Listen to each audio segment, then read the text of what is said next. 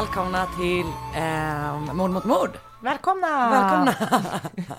Du har så mycket lev, du har levnadsglädje idag känner jag. Ja, jag har sovit hur länge som helst.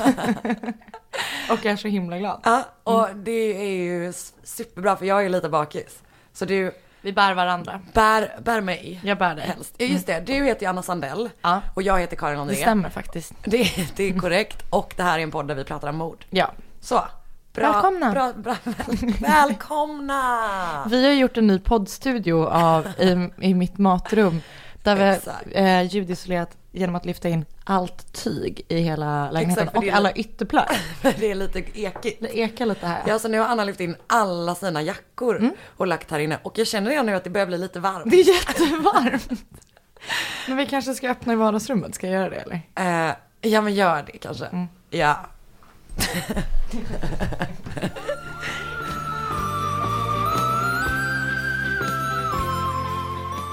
Just det, vi har också ljudisolerat med, Med en, med en hund. med en hund, Molly. Vi har en, eh, en, tredje, en tredje person. Så himla mysigt. Kallar man en hund för en person? Varelse kanske. Va- Vi, har, vi är tre varelser idag.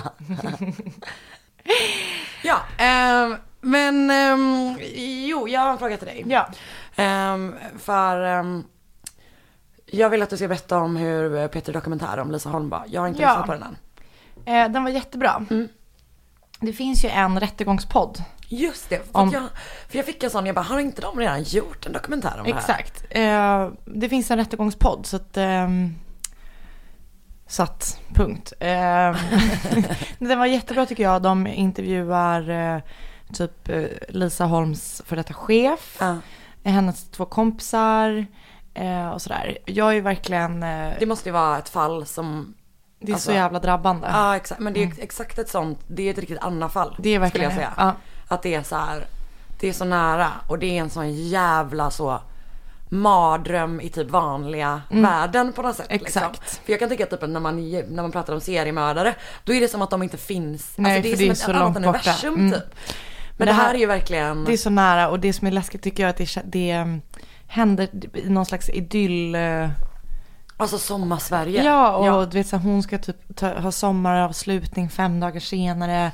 Hon jobbar på något litet café som liksom huserar i något, eh, Med någon eh, lada, någon typ, lada på någon Ah. gård och så här. Det känns som att eh, det ska liksom inte hända där. Nej alltså det är, det är ju som att typ så här, det är så här Änglagård-Sverige. Alltså lite, Ja, grann lite den, så. den Ja. stämningen och sen så bara händer det här fruktansvärda.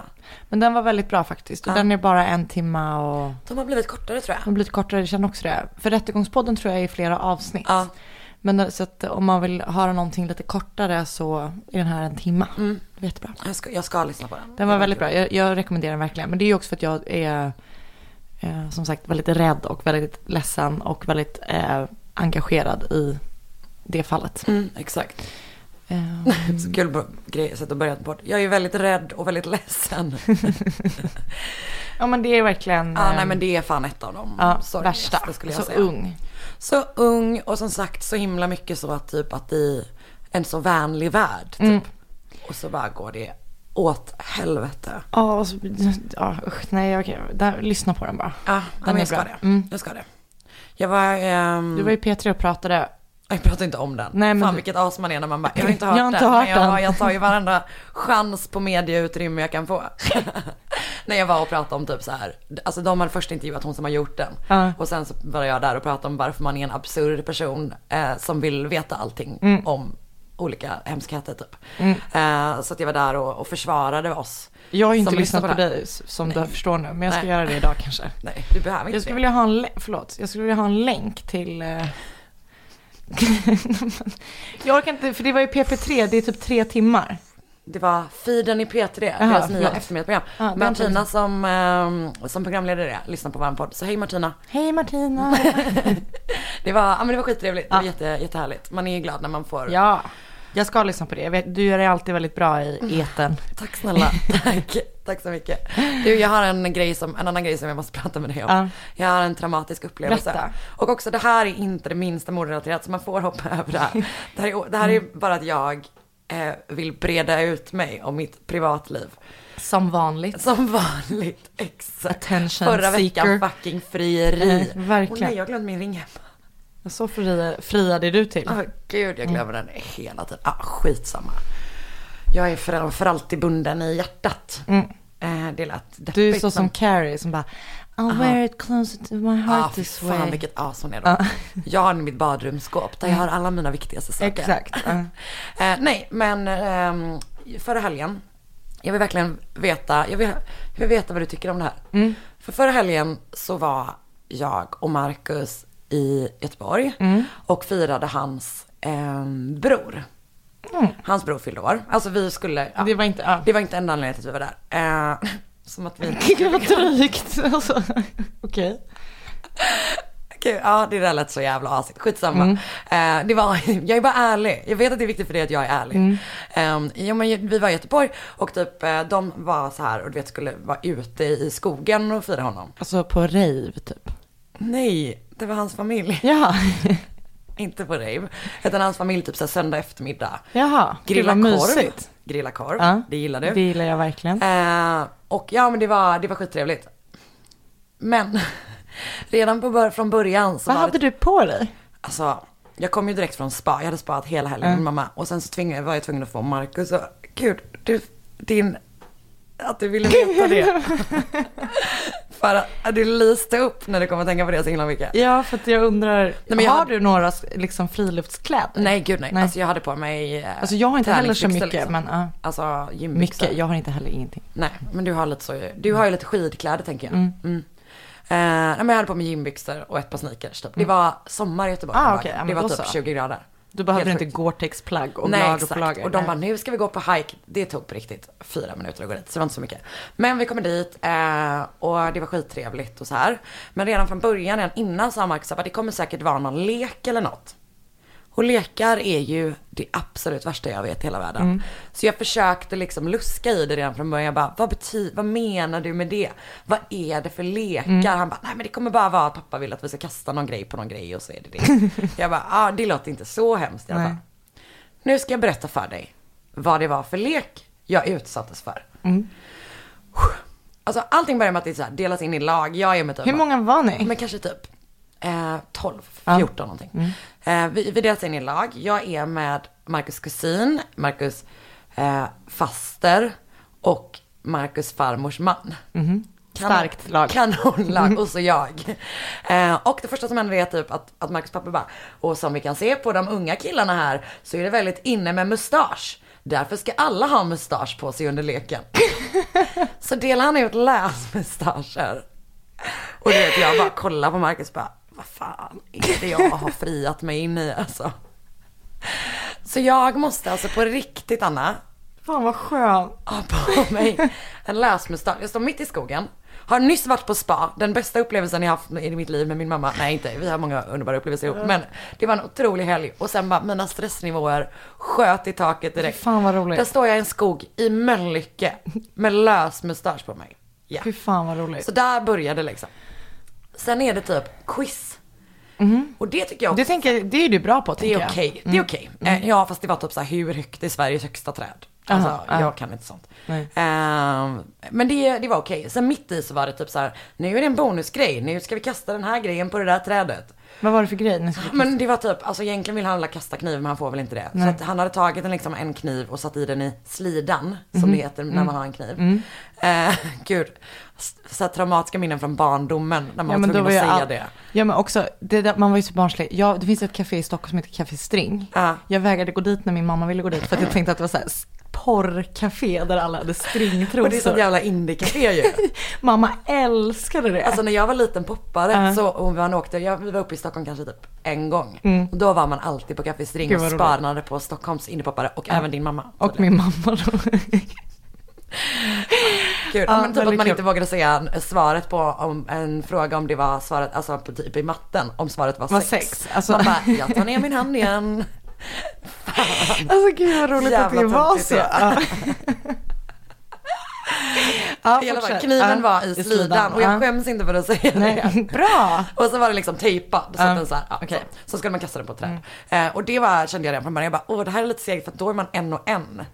Alltså du vet, Det är kan- alltid om, jobbigt. Och alla innan mig klarade. Ja. Men jag klarade också. Vad var det man skulle klara? Träffa trädet? Ja, man, det var skitlätt. Okej, alltså det var inte svårt. Men eh, Marcus fallerade totalt, Mm. oväntat nog. Eh, så det var så här, mm, så. Och sen fortsatte quizet. Återigen, bear in mind, jag har på mig lös mustasch under hela den här tiden. Mhm. En grå. Du kan få se en bild, bild sen. Eh, och sen så är det bara att Marcus pappa bara, och nu ska vi göra en lite av en klassiker i Berggren-familjen. Björnskytte. Du vet, jag kollar på Marcus face och bara ser hur han inser vad det här är som kommer att ske. Liksom. Eh, och att han inser ju att vår relation är över. Verkligen, vad hände? Alltså, för då delar han ut, eh, du vet sådana här små påsar, typ godisbjörnar. Sådana, eh, liksom så här små. Ja, ja, här- Eh, såna Haribo, ja. björnar eh, Och typ näsdukar, alltså så här servetter liksom. Mm.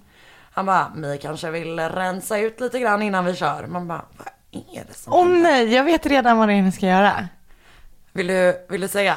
Alltså ni ska skjuta gummibjörnar ur näsan. Ja! Va? Man liksom ställer upp sig, gud jag börjar gråta nu bara tänker på det. Man ska liksom ställa upp sig på en väg. Du vet folk bor där, det står människor och tror att det är galningar ute i spåren.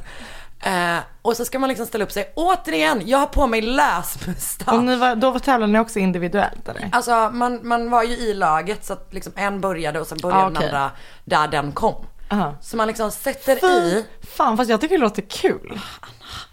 nu är jag slut med dig med. Man sätter liksom i den i näsan. Marcus, ta med tar man- mig!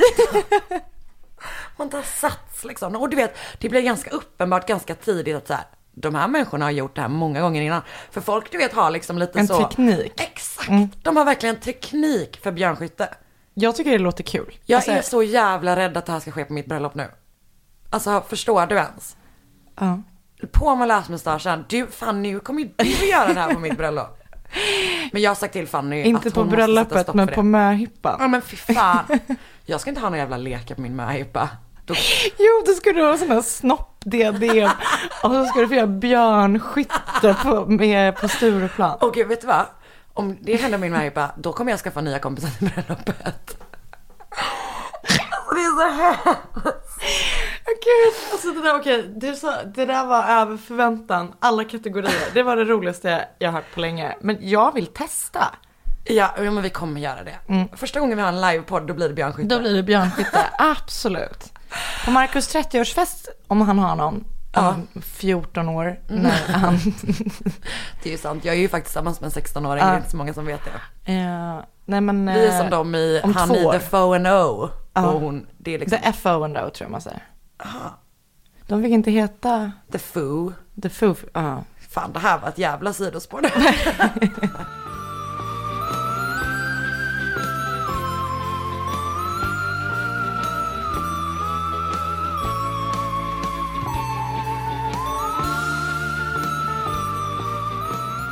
Men jag tänker vi kanske bara... Let's talk murder.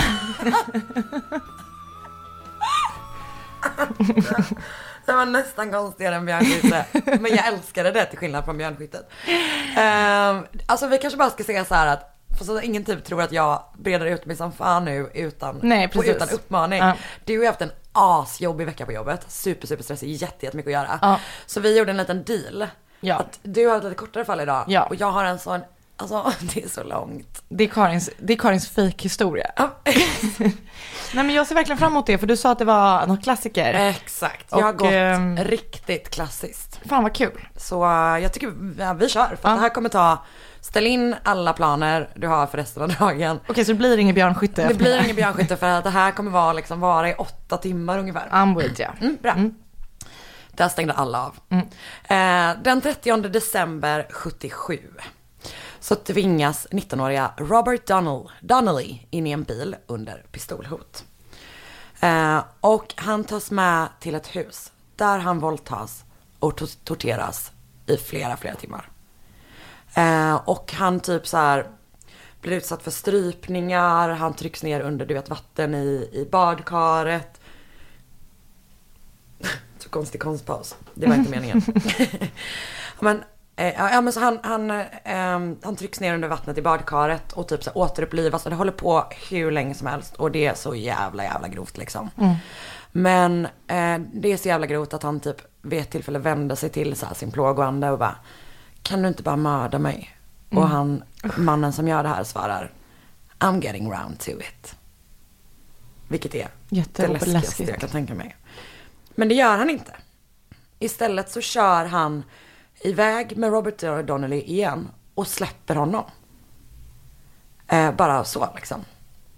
Och han går ju förstås till polisen och han vet ju typ var han har varit och du vet allting. Så de polisen hittar den här mannen. Eh, och förhör honom.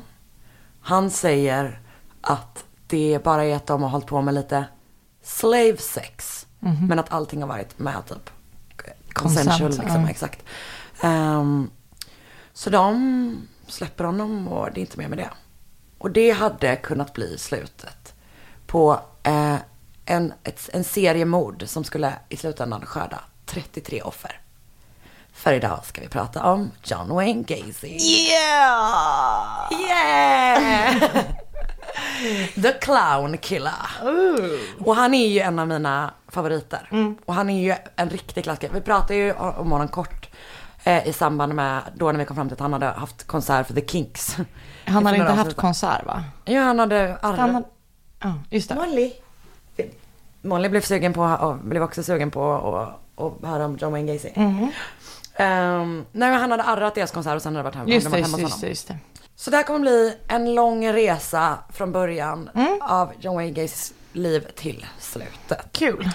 Eh, och han föds då den 17 mars 42 i Chicago. Han var den enda sonen och den andra i en syskonskara om tre. Föräldrarna hette John Stanley Gacy och Marion Elaine Robinson. Eh, men jag tycker att det är roligt för att alltså, hans pappa heter ju också John. Men de är väldigt, det står överallt att han inte är döpt efter honom. Utan han är döpt efter skådisen John Wayne. Eh, så att det ja, jag vet inte, lite konstigt. För att det var hans mammas favoritskådis typ. Och han har en sån, du vet, klassisk seriemördaruppväxt. Hans pappa är ett as. Han är ett as mot alla i familjen. Men han är framförallt ett as mot eh, John Wayne Gacy. Eh, alltså han slår, och slår honom, du vet med så här, det är fucking, han, någon gång slår han honom med en kvast typ så han däckar av. Alltså han, med skärp förstås, alltså du vet, allt. Det är liksom allt precis. Eh, ett av hans tidigaste minnen är att hans pappa slår honom. Liksom. Det är så här, det är den situationen. Han är ju, han är liksom inte bara fysiskt abusive utan även psykiskt. Han vill ha en sån, du vet så, det här tycker jag också är så jävla stereotypt. Att det är så, han vill ha en sån riktig mans boy. Alltså förstår du vad jag menar? Du vet en sån som är bra på sport typ. Det känns som att alla amerikanska pappor vid den här Vi- tiden ja, ville det liksom. verkligen. Och han är, eh, är liksom inte sportig. Det är eventuellt, jag läste, läste någonstans att han, kan- att han kan ha haft typ någon så här hjärtfel som till och med gjorde att han inte fick hålla på med sport liksom. Eh, Han sviker sin pappa då. Eh, Men han har en väldigt bra relation till sin mamma och till sina sys- systrar. Ehm, och typ hjälper sin mamma i trädgården och sånt. Och mamma försöker försvara honom. Ja, du fattar ju allt, hur glad hans pappa blir av allt det här. När han bara, I wanna be with the flowers and my mom. Jag vet inte, ja, han pratar ju inte så. Men i alla fall. Han är typ också så här, han är liksom lite större, han är ett ganska tjockt barn typ. Eh, Så han är också typ att han, han säger mycket, hans pappa säger mycket att han är dum och att han är ful, att han är, eh, men typ a sissy och sånt säger han hela tiden, att han är queer. Så det är jättemycket sånt liksom, att han är på honom för att han säger att han är homosexuell. Vilket ju sen kommer visa sig att det är ju inte fel. Nej. Han är ju det, liksom. Eh, men man kan ju inte använda det emot Nej. sin son kan Nej. jag tycka. Ehm, och när han är sju år gammal så utsätts han för sexuella övergrepp av en vän till familjen. Ehm, I hans bil. Och jag tror att det är flera gånger liksom. Han är ju inte riktigt supercool i skolan. Han är typ nog ganska mobbad. Eh, han är en sån riktig teacher's pet. Ja. Du vet som som springer ärenden för läraren och så. Och det tycker man ju är lite störigt eller? Töntigt. Lite töntigt. Ehm, och när han är 11 år gammal så råkar han ut för något som vi ofta hör om i sådana här stories. Vad tror du det är? Slag mot huvudet. Jaha. Eller han slår i huvudet. Han får en, Jag bara sexuella övergrepp hade det redan varit. vidrig farsa har redan varit. Nej, han får en gunga i huvudet. Och det är ju jävligt vanligt Mm. bland folk som blir seriemördare. Att de har fått ett slag mot huvudet. Jag råkade skrämma upp min kompis Miley tror jag. Jag var på henne, hon har precis fått sin bebis. Ja, ja. Och jag bara, kom ihåg nu, akta huvudet. För om du slår i det, Det så blir det en seriemördare. Det tänker jag att man ska göra av flera anledningar. Ja, jo, verkligen. Och det, jag vill verkligen, verkligen poängtera att Miley vaktar hans huvud jättebra. Bra, det, Eh, det tror jag hon Framförallt nu efter att jag har varit där och skrämt upp henne totalt. Eh, ja, men han får, en, han får liksom en, eh, en, en gunga i huvudet när han är 11 år gammal. Och det visar sig, och efter det får han typ så blackouts och typ, eh, men liksom han börjar bete sig konstigt. Och när han är 16 så kollar de hans hjärna och inser att det är så koagulerat blod i hjärnan. Oj. Liksom. Han har haft det under hela tiden. Jävlar. Det lär ju också fuck one up liksom. Så att, eh, men de, efter att han opereras så eh, försvinner symptomen. Fråga mig inte hur man opererar ut koagulerat blod ur hjärnan. Jag vill inte ens tänka på det. Nej. Det är fan jätteäckligt. När han är 18 år gammal Mm. så börjar han jobba för Demokraterna. Och det gör ju bara att hans pappa tycker att han är ännu sopigare. Ja. Och ännu mer homosexuell. Mm. Och eh, samma år så köper hans pappa en bil till honom. Mhm. Och det är han en sån jävla grej. Som är du vet att det är så här, bara, här är din bil.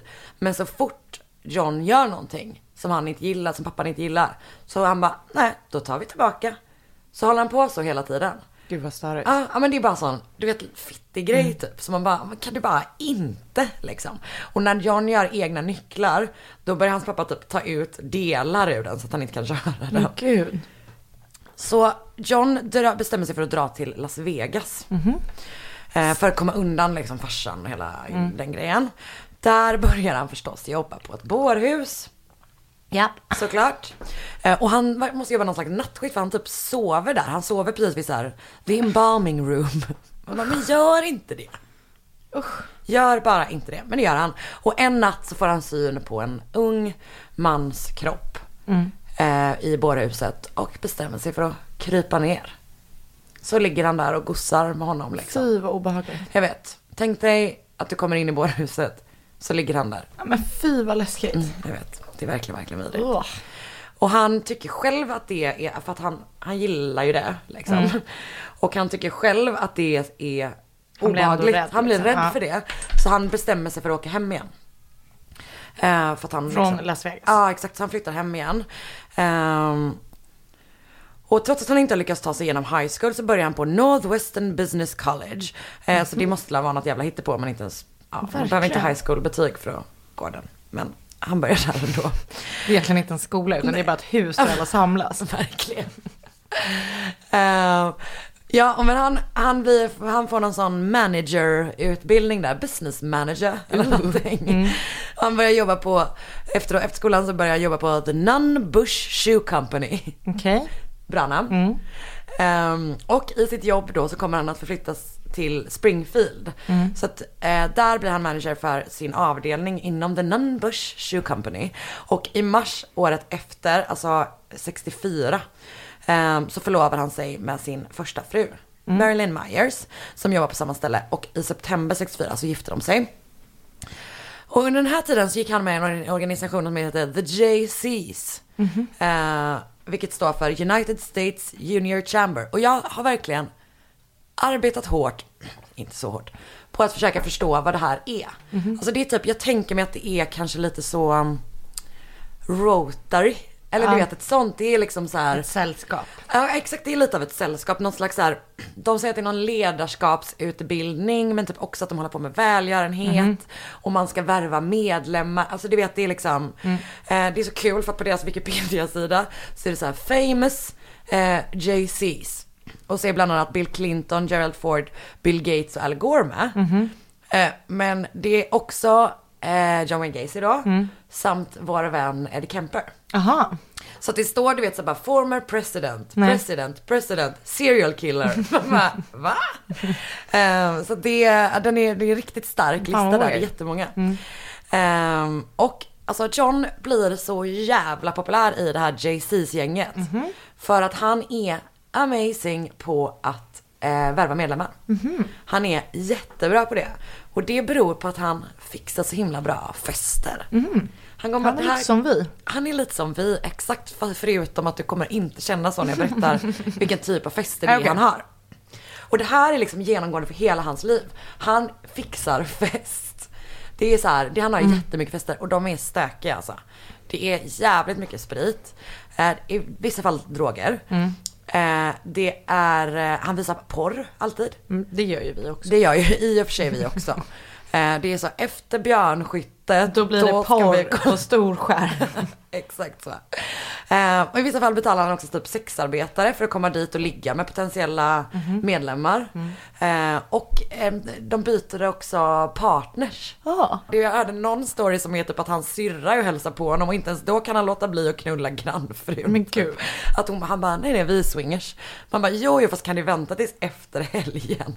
Jättekonstigt.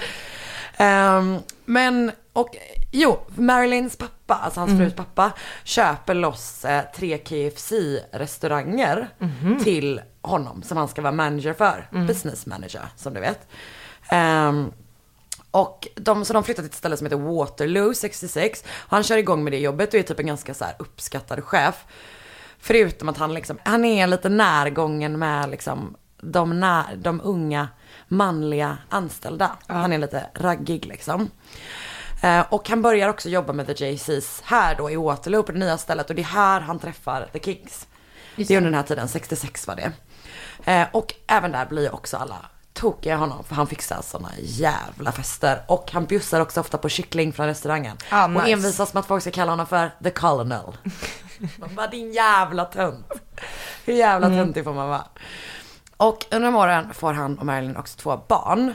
Och han kommer senare typ prata om den här tiden som så här, den bästa i hans liv. Liksom. Han har det här familjelivet och hans pappa säger att han är stolt över honom.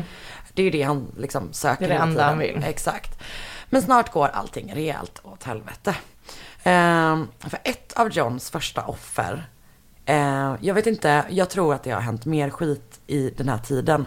Men ett offer som kommer liksom bli viktigt eh, och som är namngiven och så är en 15-årig pojke som heter Donald Warhees.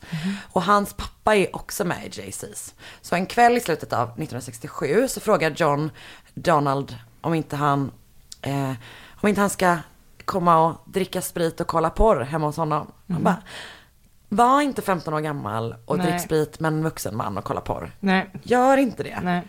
Det är inte, det fin, ah just det, det fanns inte internetporr då.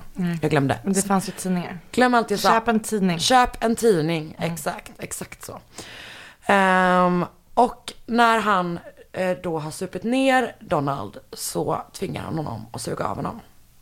15 år gammal liksom. Eh, och i mars 68 så berättar då eh, Donald för sin pappa om vad han har varit med om. Och de går till polisen. Så snart åklagas John för oral sodomy. Vilket är så här, eh, nej nej, det heter våldtäkt. Det han är med om var en våldtäkt. För sodomi är ju typ av, så här, avvikande sexuellt beteende. Jag tror att homosexualitet räknades väl. Det var, det Så. var väl det. Ja exakt. Så de är väl från Bibeln. Eh, Ja exakt. Sodom och Gomorra. Ja, exakt. Eller? Jag vet Fan, inte exakt. Vi är ju teologer i och för sig. Så att det är nog bara lite Men för jag tror att det var homosexualitet. Exakt. Ja. Men det är typ så här, alltså man blir så himla upprörd och det kommer vara också jävligt genomgående att det är så här man bara, nej nej, kalla, kalla det vad det är. De här, de är utsatta, för- de är våldtagna liksom. Eh, eh, men i alla fall, han åklagas då för både oral sodomy på den här pojken Donald och försök till assault på eh, Edward Lynch.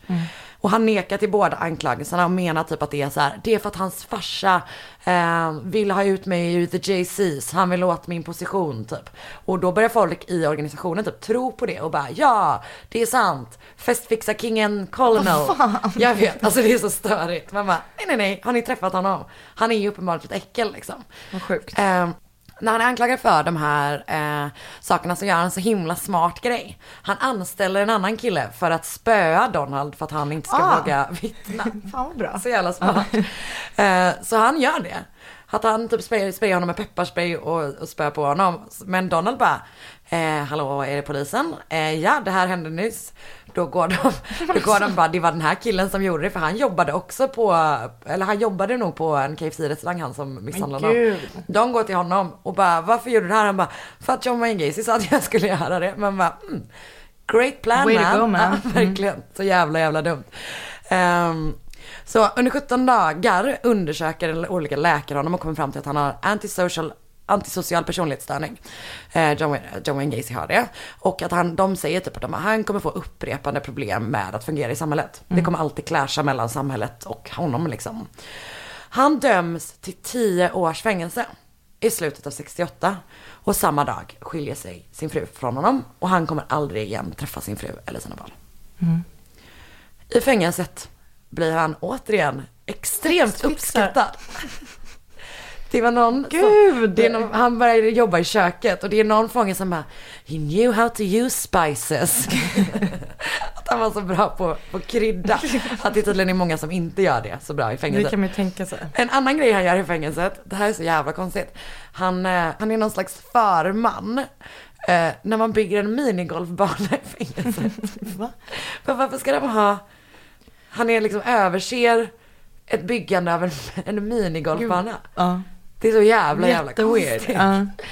Ehm, Det måste vara någon så här, inte särskilt strikt fängelse, Nej. Som bjussar på en fängelse, äh, på eh, minigolfsbana. ja, och kryddor. Och Kryddad kryddor. mat och minigolf. Det är för fan allt man vill ha i Livet. Eh, på juldagen 89, alltså när han är där inne, så, så dör Johns pappa. Mhm. Och John bryter ihop. Totalt liksom. Och nu ska du få höra något riktigt, riktigt sjukt. Mhm. Han döms då till 10 års fängelse. Han kommer ut efter 18 månader. Jävlar. Alltså ett och ett halvt år av 10. Det är ju helt jävla sjukt. Mm. Alltså det gör mig Ja, blir så illa Ja. typ. Ja, så han kommer alltså ut i juni 1970. Är han liksom en fri man. Nej, 90 eller? 70. 89 sa du 69. Nu är jag med. 69 där hans pappa Ja. sa jag 89. Jag tror det, men det ja, det gjorde jag säkert. Mm. Men det var 69. Du kanske sa 69? Nej, det tror jag inte. Jag, för jag skäms för att säga det. Året, året efter 68, men innan 70 kom han ut. Ja, exakt så. Mm. I juni 1970 är han en fri man igen. Han flyttar tillbaka till Chicago. Och under den här perioden så kommer han hinna, hinna med en hel del. Han börjar jobba som kock, han träffar sin kommande, and, alltså sin kommande fru, Carol Hoff, hans andra fru. Och hon och hennes döttrar flytt- flyttar in i huset. Han hinner också plocka upp en tonåring vid en bu- busstation, eh, ta med honom till sitt hus och försöka våldta honom. Ehm, och pojken går till polisen, men eftersom han inte dyker upp i rätten, pojken sen, så läggs fallet ner. Och det är med tanke på att han typ har hotat eh, vittnen innan liksom. Och jag har, lä- jag har för, någonstans har jag också läst att du vet så här, att den pojken har typ inte setts till än. Jag vet inte om det stämmer, men Nej. så här, man, Man vet man vet inte liksom. Fan vad obehagligt. Ja, jag vet.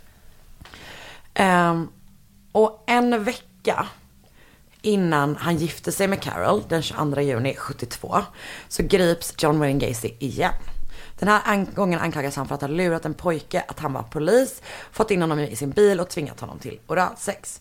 Eh, och då eh, anklagas han för aggravated battery and reckless conduct. Man bara, återigen, våldtäkt. Um, och det läggs ner för att anmälaren ska ha försökt få pengar från Gacy för att ta tillbaka sin anmälan. Oklart. Mhm. Eh, och så startar han sitt, samtidigt som han håller på med de här goa grejerna så startar han då sitt eget företag, PDM Contractors. Som står för Painting, Decorating och Maintenance. Så bra. Och han börjar då förstås anställa unga pojkar. Jag tror att han typ utnyttjade massor av pojkar redan från typ starten. Där. Säkert. Och jag tror att det är jävligt många som inte har berättat om det. För att typ det är jätteskamligt. Mm. Eller ansågs väldigt skamligt.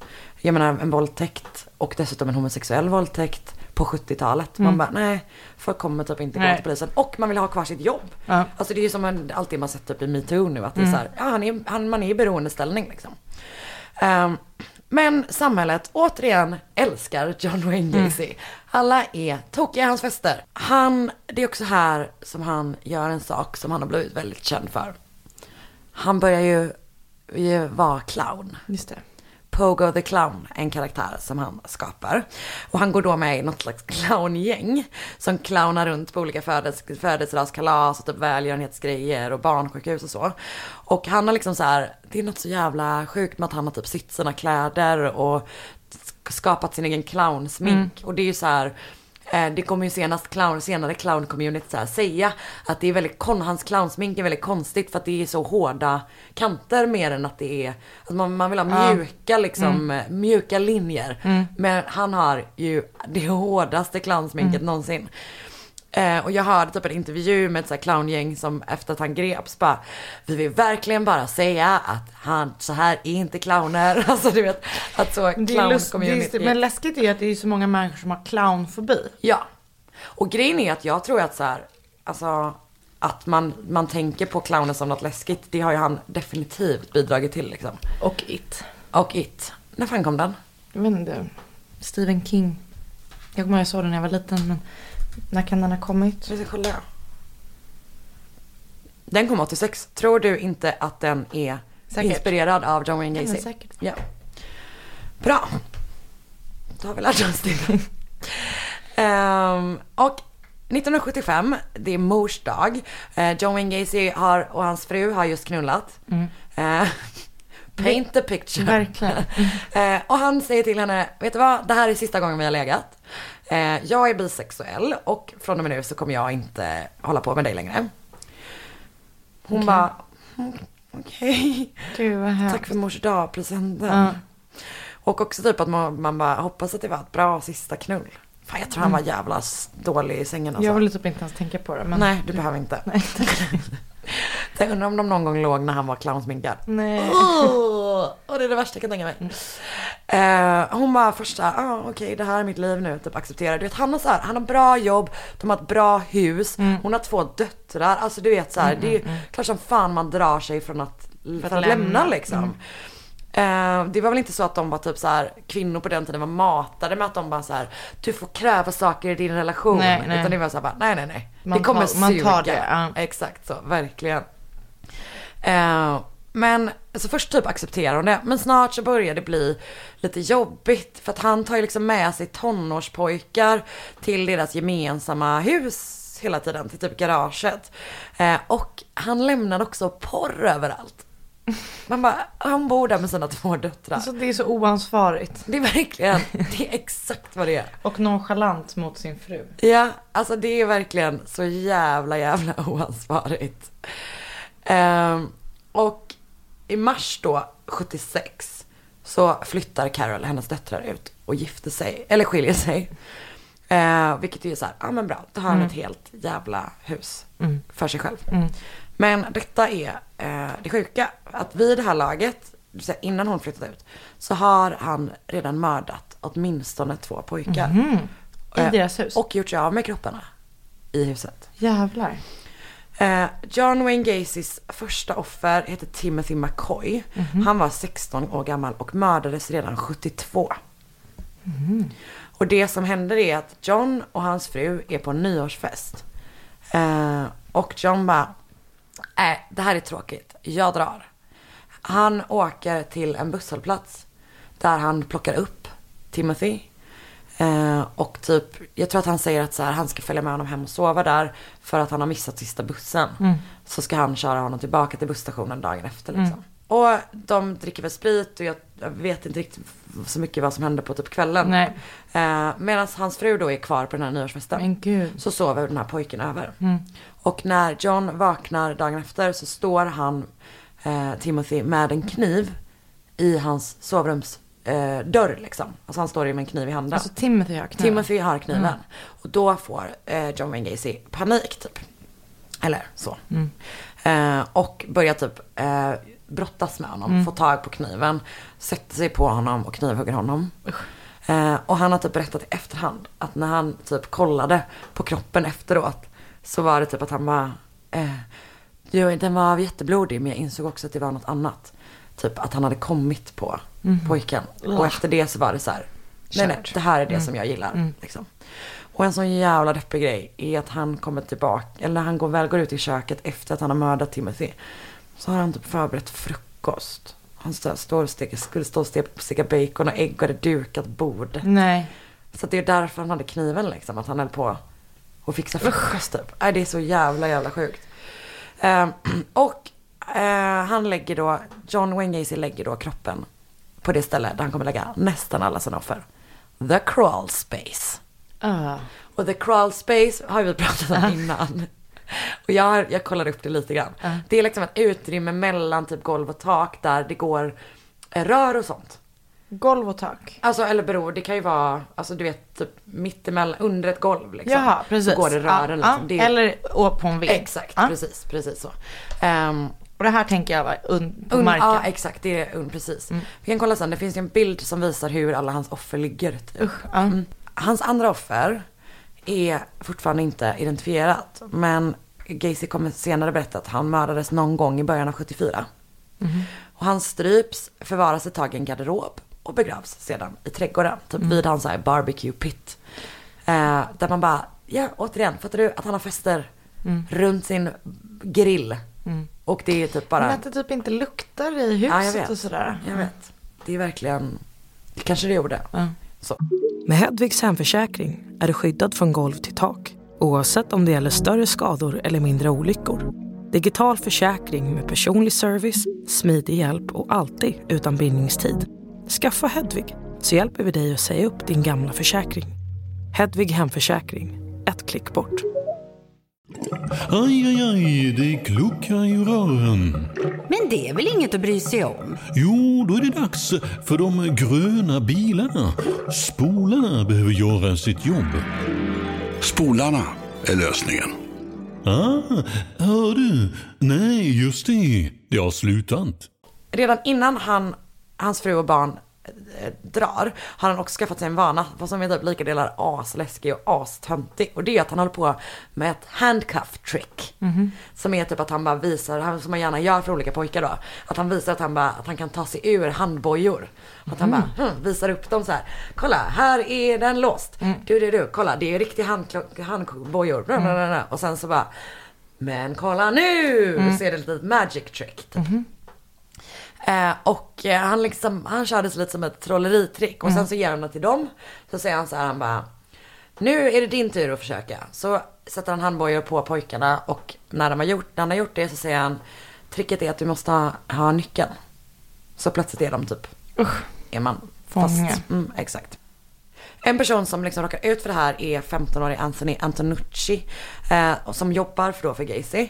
Och han, eh, det, det här sker hemma hos honom.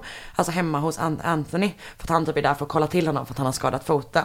Han, John häller i honom alkohol, brottar ner honom och sätter på honom handbojor. Eh, så. Eller de börjar brottas typ. Och Anthony lyckas ta sig loss och då brottar han istället ner Gacy för att han är wrestler. Han är en high school wrestler. Så, och får på honom handbojorna på något sätt. Oj. Och då, du vet, han ser typ hur Alltså hans ansikte, äh, Gacys ansikte förändras. Det är som att hela hans utseende förändras.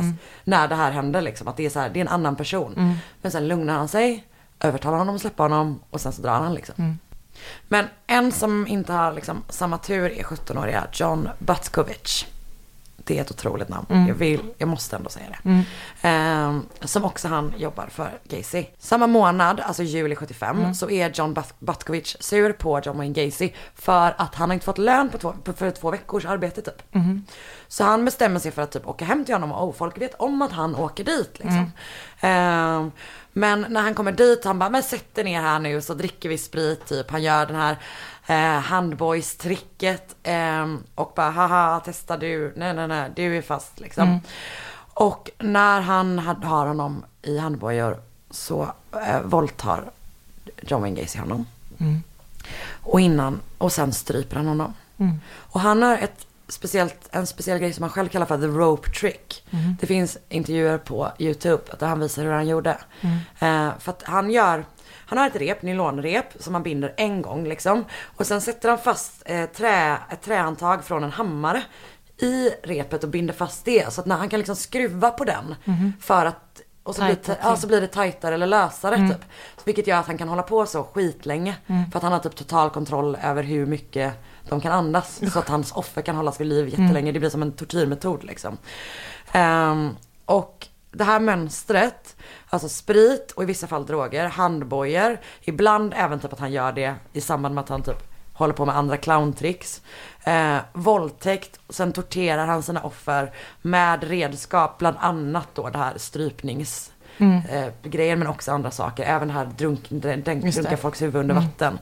Ehm, Så det kommer han liksom upprepa om och om och om igen. Eh, och sen gör han också det som han kommer göra eh, hela tiden i princip. Det vill säga han gömmer Johns kropp, kropp i the crawl space.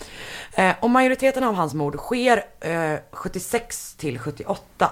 Och det eskalerar något så jävulst efter att hans fru har flyttat ut. Eh, hon flyttar i mars. I april så försvinner 18-åriga Daryl, eh, Daryl Sampson. Den, I maj, 14 maj, försvinner 15-åriga Randall Reffett.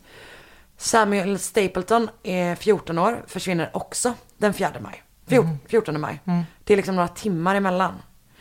Ehm, Michael Bonin, 17 år, försvinner 3 juni. William Billy Carroll, eh, 16 år, försvinner den 13 juni. Och han blir den första av fyra pojkar som mördas från 13 juni till den 6 augusti. Oj. Det är liksom mindre än en månad. Fyra pojkar. Ehm, James Hawkinson ringer sin familj den 5 augusti så man vet att han lever då. Eh, Rick Johnston som är 17 eller 18 år försvinner den 6 augusti. Och under de här månaderna, eh, månaderna och in på hösten någon gång så mördar han även tre oidentifierade pojkar. Som också placeras un- i utrymmet under golvet. Ehm, den 24 oktober kidnappar och mördar han två kompisar, alltså två stycken samtidigt. Som de heter Kenneth Parker och eh, Michael Marino. Och sen så mördar han en person som heter William Bundy, no relation tror jag. Som är anställd av, av John Wayne Gacy. Han eh, försvinner den 26 oktober, så bara två dagar senare så mördas han. Eh, han begravs direkt under Gacys sovrum. Vilket jag tycker också är något äckligt med. Det känns som att han vill vara honom nära typ. Eh, och den 12 december 76 så mördas, eller försvinner Gregory Godsick, 17 år, också anställd av John Wayne Gacy. Gud. Han hade tidigare arbetat med att eh, gräva ut utrymmet. Där han sen begravs. Mm. Usch. För att han använder sina anställda för att gräva så att det blir djupare liksom. Han, du vet, han är jättespecifik med var de ska gräva, hur djupt de ska gräva. Och de får absolut inte gräva i andra delar Nej. liksom. Usch vad läskigt. Så han gräver liksom sin egen grav. Det är så jävla jävla grovt. Under hösten 76, våren 77 bor två stycken pojkar hemma hos honom. Så det är inte det att han är helt själv heller. Eh, David Cram och Michael Rossi eh, bor där. Och ibland när de kommer hem så sitter han i sin clownkostym. Kan du Läskigt. tänka dig något läskigare? Så är det 70, blir det 77 och han sätter igång igen. Eh, 20 januari försvinner eh, 19-åriga John Sissik som är en bekant till några av de tidigare offren och även till Gacy. Alltså förstår du? Men det, det är så jävla många kopplingar till honom. Det gör mig rasande att ingen kollar på honom. Men du vet de är så här, ah, runaways. Det är verkligen den tiden när man bara trodde att alla drog. Ehm, och där han, John Sissik har åkt till Gacy för att sälja sin bil och det vet också folk. Det är så här, folk vet om att han är där. Eh, och bilen blir då kvar när John mördas. Och den säljer han sen till Michael Rossi som bor hemma hos honom. Ehm, och han tror, under den här tiden så kidnappar han också och mördar en, en oidentifierad pojke som han tror heter Greg eller Gregory baserat på typ ägodelar som hittats nära honom, liksom nära kroppen. 15 mars mördas 20-åriga John Prestige och någon gång efteråt också ytterligare en oidentifierad offer som är mellan 17 och 21 år gammal. Och snart mördar han 19-åriga Matthew Bowman. Nu kommer det en ledtråd i det här fallet som man kan tycka att polisen borde agerat på. För att Michael Rossi grips när han försöker stjäla bensin. Och han har ju den här bilen som tillhör den försvunna pojken John Sissik. Så när han grips, han bara ja det var John Wayne Gacy som sålde den till mig. Eh, men när de pratar med honom, jag tror att de pratar med John och han bara nej han, han sålde den för att han skulle dra från stan. Polisen bara okej, köper det rakt av. Eh, han kommer under resten av 77 mörda ytterligare sex pojkar. 18-åriga Robert Gilroy, eh, 19-åriga John Mowry, 21-åriga Russell Nelson, 16-åriga Robert Winch, 20-åriga Tommy Bolling, 19-åriga David Talsma och även då så kommer kidnapparen också 19-åriga Robert Donnelly som vi började våran story i. Eh, och strax efteråt så mördas 19-åriga William Kindred. Eh, och han blir den sista som läggs i the crawl space. Eh, men mördandet tar ju inte slut. Utan det är Nej. bara det att det är fullt Okej. i hans golv med kroppar. Man bara, mm, åh, vilket orelaterbart problem du har helt plötsligt. Att man är så här, ah fan, jag har inte plats för mer gubbar här nere nu. Eh, men eh, han eh, kommer göra en till sån här, du vet att han kidnappar någon och sen släpper honom. Eh, när han i mars 78 kidnappar 26-åriga, så han är lite äldre, Jeffrey Rignall efter en utekväll. Han dragar honom en sån trasa med kloroform på du vet. Ah. Vilket är så här, man Det är bara, spännande. Exakt, Ja. det är verkligen en sån eh, gammal sak typ. Eller känns som en sån klassiker bara. Och han tar med sig honom, han är liksom, går in och ut i medvetande. Men han, förföljer, han tas, tas till ett hus där han torteras med bland annat piskor och tända ljus. Eh, under många, många timmar. Men, och våldtas jättemycket förstås. Eh, men han vaknar dagen efter i Lincoln Park i Chicago. Där han är liksom lutad mot en staty. Gud vad weird. Eh, Så han går till polisen men minns liksom inte du vet, så här, tillräckligt mycket detaljer. Han vet inte riktigt. Han vet ju vart han plockades upp typ. Så polisen bara, mm, tyvärr. Så det han gör då är att han och hans kompisar börjar typ stake out den platsen där han blir upplockad. Han, jag tror om han har sett, känt igen någon, du vet, eh, eh, avfart eller du vet, någon sån grej. Så att de är där och liksom spanar. Och, för han, känner, han kommer ihåg bilen.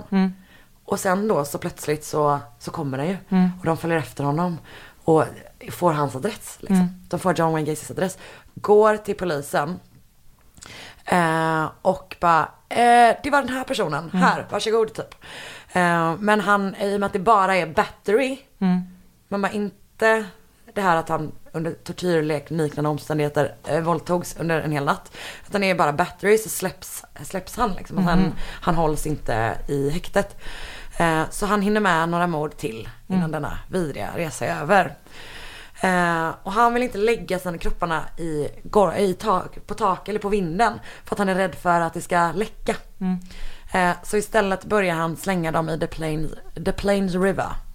Eh, och det, där gör han sig av med 20-åriga Timothy O'Rourke, O'Rourke 19-åriga Frank Landigin och 20-åriga James Mazzara. Men han ska också ha dumpat två stycken kroppar till. Eh, som man inte, om man inte har hittat eller inte identifierat, jag vet inte riktigt.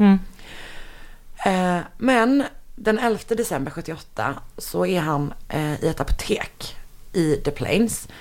Des Plains, ja, jag vet inte hur man säger, skitsamma. Eh, för att han skulle, hans firma skulle typ bygga om apoteket. Och där eh, pratar han bland annat om att han behöver fler så här, som jobbar för honom. Och han betalar nästan dubbelt så mycket som de gör på apoteket. Han betalar 5 dollar i timmen. Och det hör 15-åriga Robert Piest som arbetar där och han, eh, det här är så sorgligt, han är liksom 15 år gammal, han håller på att spara upp till en bil som han ska köpa på sin födelsedag. Han vill så gärna ha en jeep. Eh, så att han bara, mm, ett jobb där man får typ mer pengar, vi kör. Eh, och typ prata med, prata med John Wayne Gacy och John Wayne Gacy bara, ja, jag har sett att du jobbar väldigt bra här och du vet så. Eh, jag vill absolut prata vidare om det här. Men eh, jag kommer tillbaka efter ditt jobb. Eh, Så han åker då tillbaka efter senare på dagen och då är också Roberts mamma där. För att hon ska hämta honom för att hon fyller år den kvällen och de ska liksom fira födelsedagsmiddag. Eh, Men eh, John bara, ja men vet du vad om du vill ha det här jobbet så måste vi fixa med alla pappren och sånt nu. Han bara, men in, det är inte så bråttom med Nej. någonting någonsin. Så du följer med mig hem så fixar vi alla papper direkt. Och sen kör jag dig till din mammas födelsedagsmiddag. Han bara, okej, ja, låter skitbra. Eh, du vet, lämnar apoteket och ingen ser honom någonsin igen i livet. Eh, förstår du hur balsig den här jävla mördaren är? Verkligen. Alltså att han bryr sig inte det minsta Nej. liksom. Det är så jävla jävla sjukt. Han försöker inte dölja det Nej. överhuvudtaget liksom. Eh, och familjen anmäler honom, alltså anmäler Robert saknad typ direkt. De bara, han åkte med honom och nu är han borta och han skulle aldrig missa min födelsedagsmiddag typ.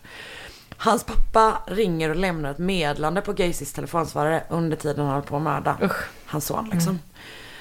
Eh, och när polisen ringer upp säger han att han inte har erbjudit någon, alltså ringer till Gacy säger han att han inte har erbjudit någon kille något jobb. Eh, men har träffat några vid apoteket. Eh, han lovar att han ska komma in till stationen under kvällen. Han kommer 20 över tre på natten täckt i lera. Man bara, mm, not at all suspicious. Nej. Han säger att han har varit i typ så här någon liksom, någon eh, trafikolycka eller någonting. Och nu för första gången så gör någon äntligen en fucking background check på honom. Och ser så här, ja det här är en person som är dömd för att ha våldtagit pojken. De söker igenom hans hus i, på jakt, men har ju bara då tillstånd att leta efter Robert, Robert liksom. Det är det de får göra. I hans hus hittar de följande saker. Är du beredd? En sån klassring du vet som folk i USA har, som en high school class ring typ. Från 75, initialerna JAS, ett flertal körkort, en planka med hål i ena änden, eh, böcker som Tight Teenagers, Bike Boy, Pederasty, vilket är när vuxna män har sex med pojkar. Är det. Eh, Sex between men and boys är en annan bok. Men också typ ett, så här, ett antal böcker som typ handlar om så Alltså här. böcker, gud vad konstigt. Jag vet. Eh, de hittar en, eh, en spruta, en pistol, knivar, valium och andra liknande mediciner. En misstänkt fläckig matta. Eh, handbojor förstås, rep, polisbrickor, en 45 centimeter lång dildo. Och håll i dig nu, sju svenska porrfilmer. Nej. Det står verkligen uttryckligen. Seven Swedish pornos. Det, ja, bra. Mm, jag vet, verkligen. Kul att man får vara med, som jag brukar säga. Eh, och där hittar de också ett kvitto på film från apoteket där Robert arbetade. Men de hittar inte hans kropp. Och det var liksom det de var tvungna att hitta typ. Så de började intervjua massor av folk, typ bland annat han eh, eh, Michael Rossi, eh, de intervjuar hans exfru och det kommer ju fram mer och mer att du vet folk som jobbar med honom har försvunnit. Det har försvunnit skitmånga pojkar liksom. De börjar också övervaka honom dygnet runt och han är ett äkta freak när han eh, Alltså när, mot poliserna som övervakar honom. För att han liksom leker med dem, du vet. Ibland är han, kör han ifrån dem och sen så väntar han in dem. Han typ är skit, du vet han bjuder hem dem på middag. Någon gång när eh, polisbilen lägger ner så eh, han bara, jag kan köra till stationen, det går bra typ. Han är på, han äter frukost med dem, bjuder in dem på frukost. Och säger bland annat det klassiska citatet när han, han pratar om att han är clown. Han bara, you know a, a clown could get away with murder. Man bara, mm, men vad håller du på med? Det här är för mycket att du sitter och säger det här till poliser som utreder dig liksom. Eh, och han eh, bjuder också in dem en dag, en kväll på fish dinner. Vilket eh, alla, jag kan lyssna på ganska mycket poddar kring det här. Och folk bara, det var nog för att täcka lukten. Man bara, vad är det för fisk ni äter? Verkligen. Om den luktar så jävla dåligt. Är det så här surströmming liksom? Ja.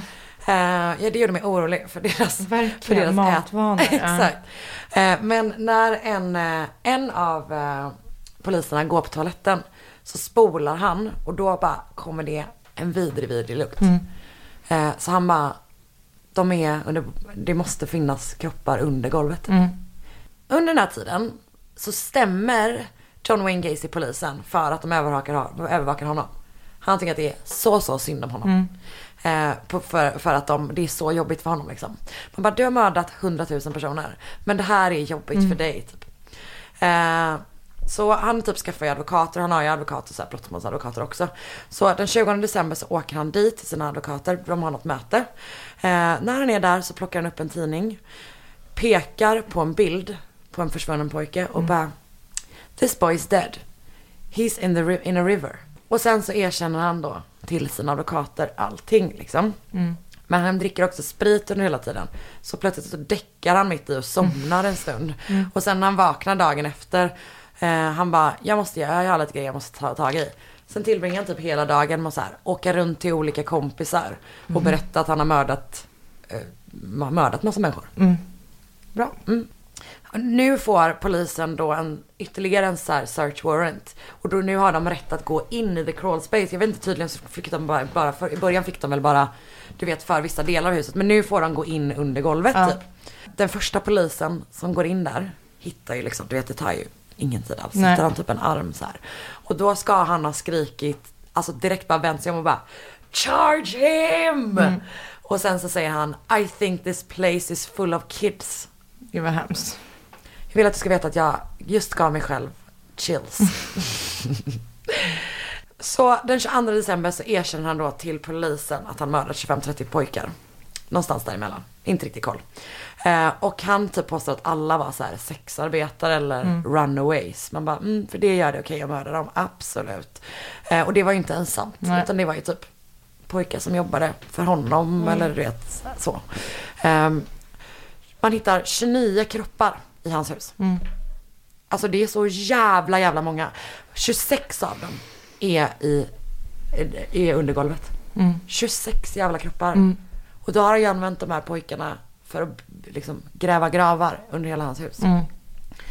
Ytterligare fyra hittas i Des Moines, i, i den, inte Des Moines, i den floden. Eh, och bland annat så hittat, hittas Robert Pests kropp där. Eh, än idag är sex av John Wayne Gacys offer oidentifierade. Och det är typ arbetet här pågår fortfarande liksom. Han anklagas och åklagas för 33 mord. Eh, säger sig vara not, eh, not guilty by reasons of insanity, såklart. Eh, du vet, utreds så jävla lång tid av psykologer och allting. Och man säger att han har en sån em, multiple personality disorder, typ att det är någon annan i honom som har gjort. Man bara, mm, absolut. Eh, och många av de unga män som typ så här, han har utsatt för skit genom åren vittnar också. Och bland annat så vittnar då Robert Donnelly. Eh, som vi började vår story med. Och han bryter liksom ihop flera gånger under, förhö- under förhöret. Eh, eller under vittnesmålet. Och då skrattar John Wayne Gacy. Mindre än två timmar överlägger juryn innan de kommer fram till att eh, ja, han är skyldig till allting. Eh, och det är Va? Alltså det är typ så här, du vet, för de går igenom alla åtalspunkter. Så fattar du hur jävla kort tid det är. De bara japp, skyldig, skyldig, skyldig. Eh, och ungefär lika länge överlägger de innan de kommer fram till att han ska få dödsstraff. Det var, några av dem ville att han skulle få 33 lethal injections. För ett för varje, ett för varje fall liksom. Eh, han, ja, så att han döms till avrättning med eh, injektion då. Han sitter 15 år på death row. Eh, och börjar ju då måla när han är i fängelse. Bland annat så målar han ju självporträtt som Pogo the Clown. Just det. Det, vilket är typ det läskigaste jag kan tänka mig. Men han målar mycket andra saker också. Och en sån tavla skickar han till eh, Robert Ressler. Som ju du vet han, huvudkaraktären i Mindhunter, är baserad på. Just det. Eh, han skickar en sån tavla till honom i present efter, att, efter deras underbara samtal. Så det ser man ju fram emot att se i nästa säsong. Ehm, så den 9 maj 94 eh, är det dags för John Wayne Gacy att avrättas. Jag läste någonstans att under eftermiddagen får han ha en picknick med sin familj. Jaha. Man bara, ett, vad är det för familj? Ja, Alltså så konstigt. jättekonstigt. Ja. Eh, vill du veta vad hans sista måltid var? Mm, gärna. Eh, en bucket KFC, KFC eh, ett dussin friterade räkor, pommes frites, jordgubbar och en Cola light. Gott i och för sig. Mm, verkligen. Jag gillar inte KFC men Det är full on fest utanför fängelset. Alltså det är tusen personer där som bara yeah, he's gonna die. Svin, svin peppade. När han ska avrättas så han har inga sådana du vet officiella final words. nej. Men det sista John Wayne Gacy i livet säger är Kiss my ass. Jävla tunt alltså.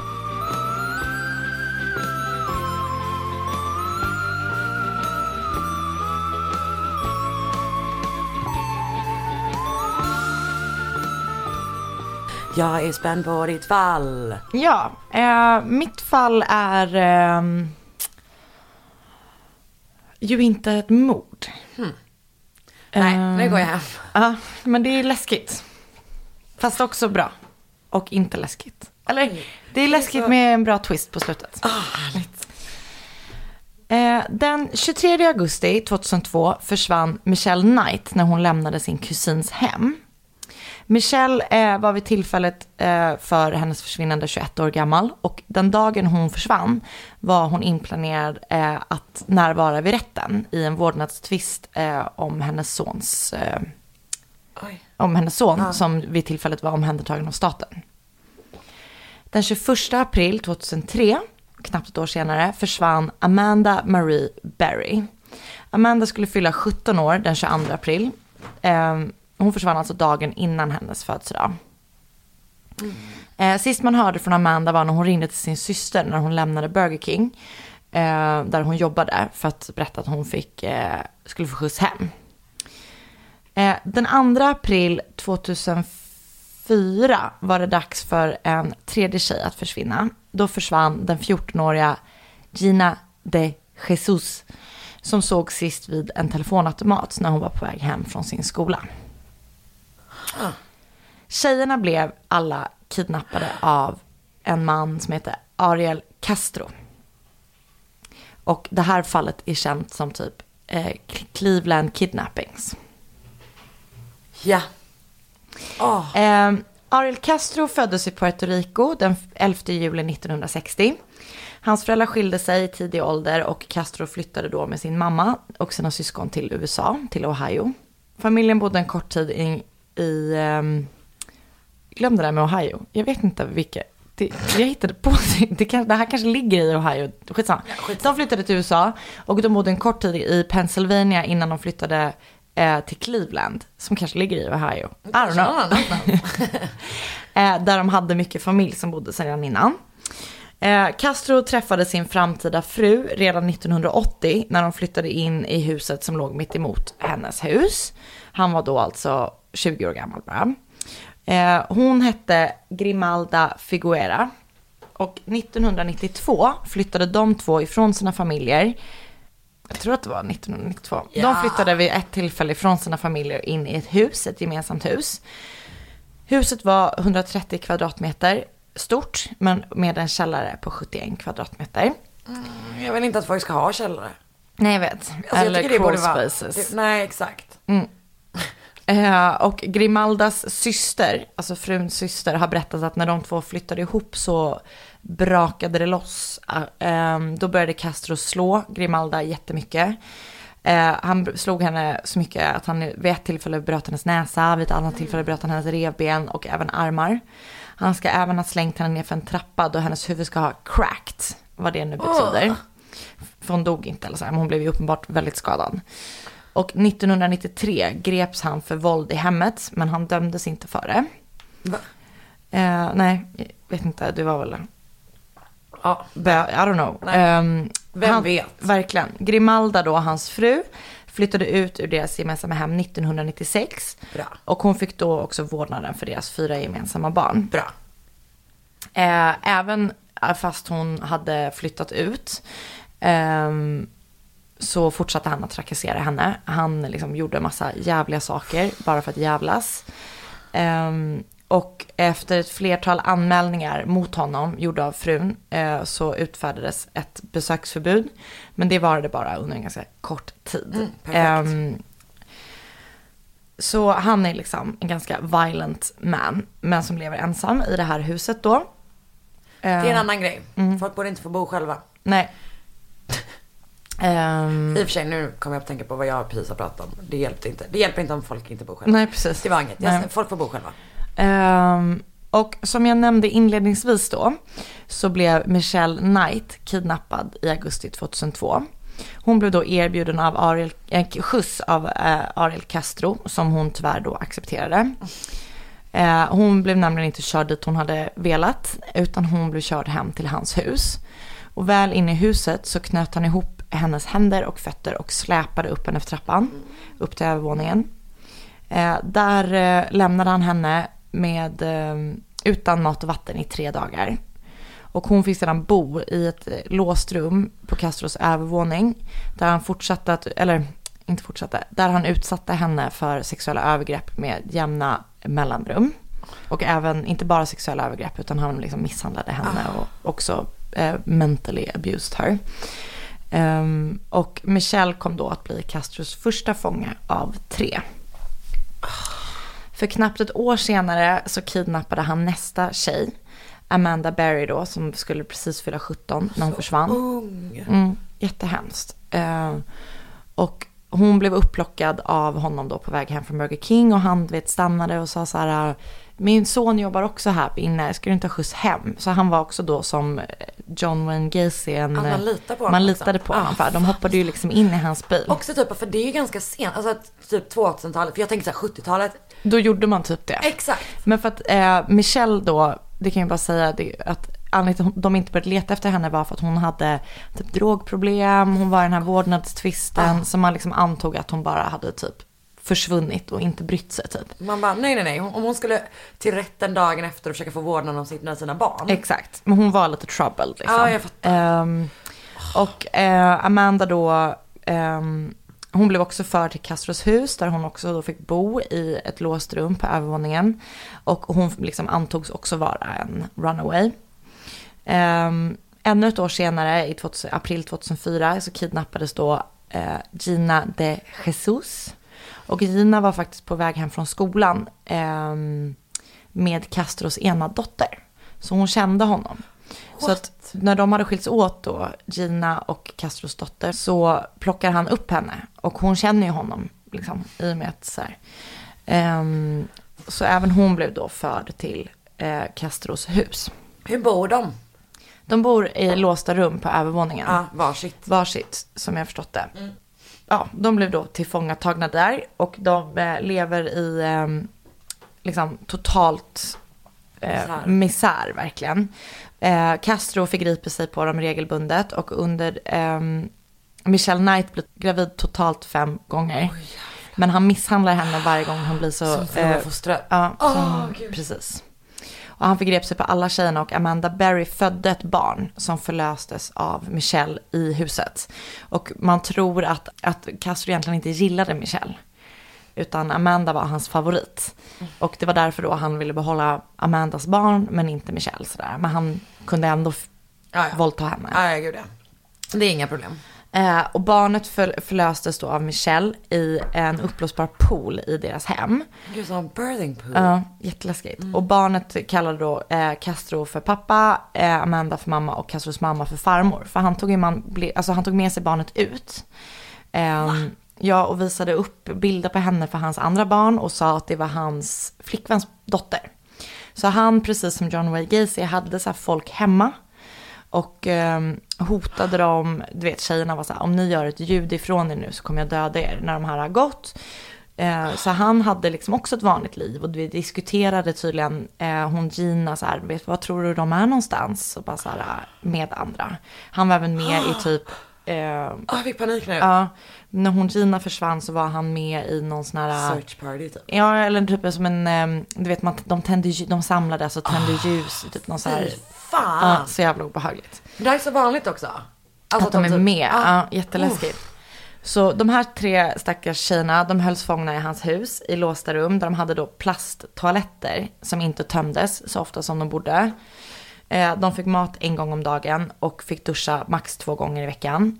Och om de hade gjort någonting som eh, liksom, han inte tyckte om så blev de straffade i liksom, att de inte fick mat. Så att, Ehm, han förgrep sig på dem, som jag sa, och, och, liksom slog dem jättemycket. Uh, Michelle Knight blev döv på ena örat eh, som följd av hans misshandel. Hon verkar typ vara den som har blivit mest uh. åtgången. Hon var också äldst. Eh, när Och där längst. Exakt. Ehm, hon hade även en hund under en period i huset. Och eh, Castro dödade den hunden när han försökte skydda Michelle genom att bryta nacken på den. Och han, ehm, han, han hade sån jävla liksom, psykisk eh, kontroll på de här eh, tjejerna då och hotade dem jättemycket. Så de eh, levde där liksom utan att försöka du vet, göra någonting av det. För att han styrde allting med järnhand verkligen. Eh, Men den 6 maj 2013 så hände något fantastiskt. För ehm, Amanda Berry lyckades få kontakt med Castros granne som hjälpte henne att fly med hennes sexåriga dotter och eh, som sedan hjälpte dem liksom att rädda Gina Hur fick och Michelle. kontakt? Eh, det tänker jag inte berätta, för ditt fall var så långt så jag hinner inte. jag skojar. Jävla härskarteknik. Eh, jag skojar, det kommer nu.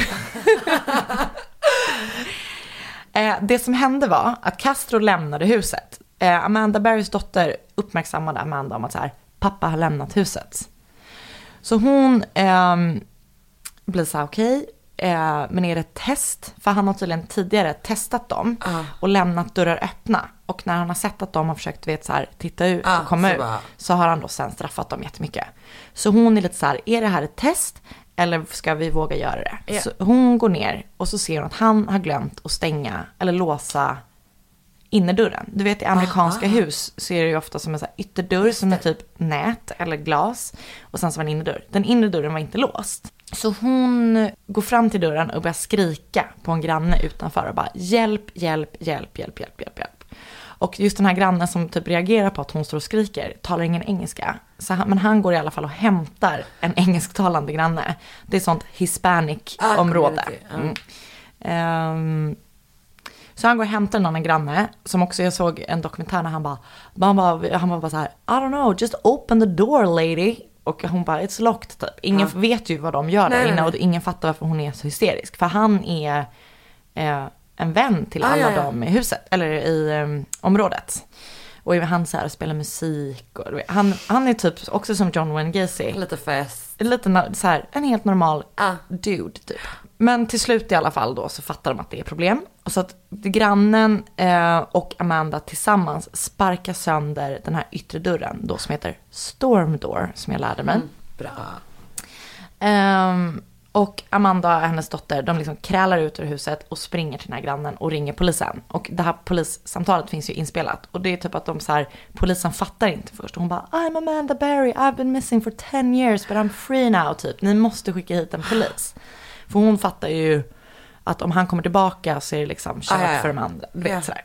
Så, eller det kanske, ja. Ehm, hon har sån jävla panik och då så skickar i alla fall eh, polisen dit två poliser. Ah. Som går in i huset. Eh, de typ ser bara, de fattar att det är Amanda Berry när de kommer, eller Michelle Knight, eh, nej, Amanda Berry när de kommer. Eh, och är liksom bara så här, shit, vad är det här? Eh, och hon bara, det, det är två andra där inne i huset liksom. Så de går in med dragna vapen och går upp på övervåningen. Och sen så besk- beskriver en av poliserna hur hon så här, Michelle, så här, peeps out of her door. Du vet, typ att hon är rädd. Hon typ hör att det är någon i huset, men hon vågar typ inte lämna. Till slut så sticker hon ut huvudet så här. Och sen så bara rusar hon i hans armar och bara gråter och gråter och bara, du har räddat mig och du har räddat mig. Liksom så här.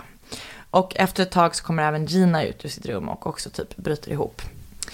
Och eh, alla de blir räddade liksom och förda till sjukhuset.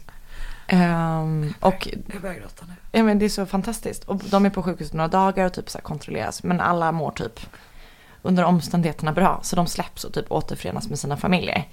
Efter bara några dagar. Det är så sjukt. Helt sjukt. Eh, Castro då arresterades såklart samma dag. Han anklagades för fyra kidnappningar och eh, våldtäkt. Fyra? Ja, men det föddes ju en dotter i huset. Ah, Ja. så det blev henne också? Ja. Åh gud vad intressant. Ehm, och just bara med de an- första initiala anklagelserna så skulle det räcka till tio år till livstid i Ohio. Så jag gissar att eh, Cleveland ligger i Ohio. Nu har jag sett det två gånger.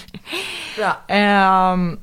Han, första gången han var i rätten så var, var 9 maj, alltså då bara tre dagar efter. Och då blev hans borgen satt till 2 miljoner per kidnappning. Bra. Eh, så alltså f- 8 miljoner dollar.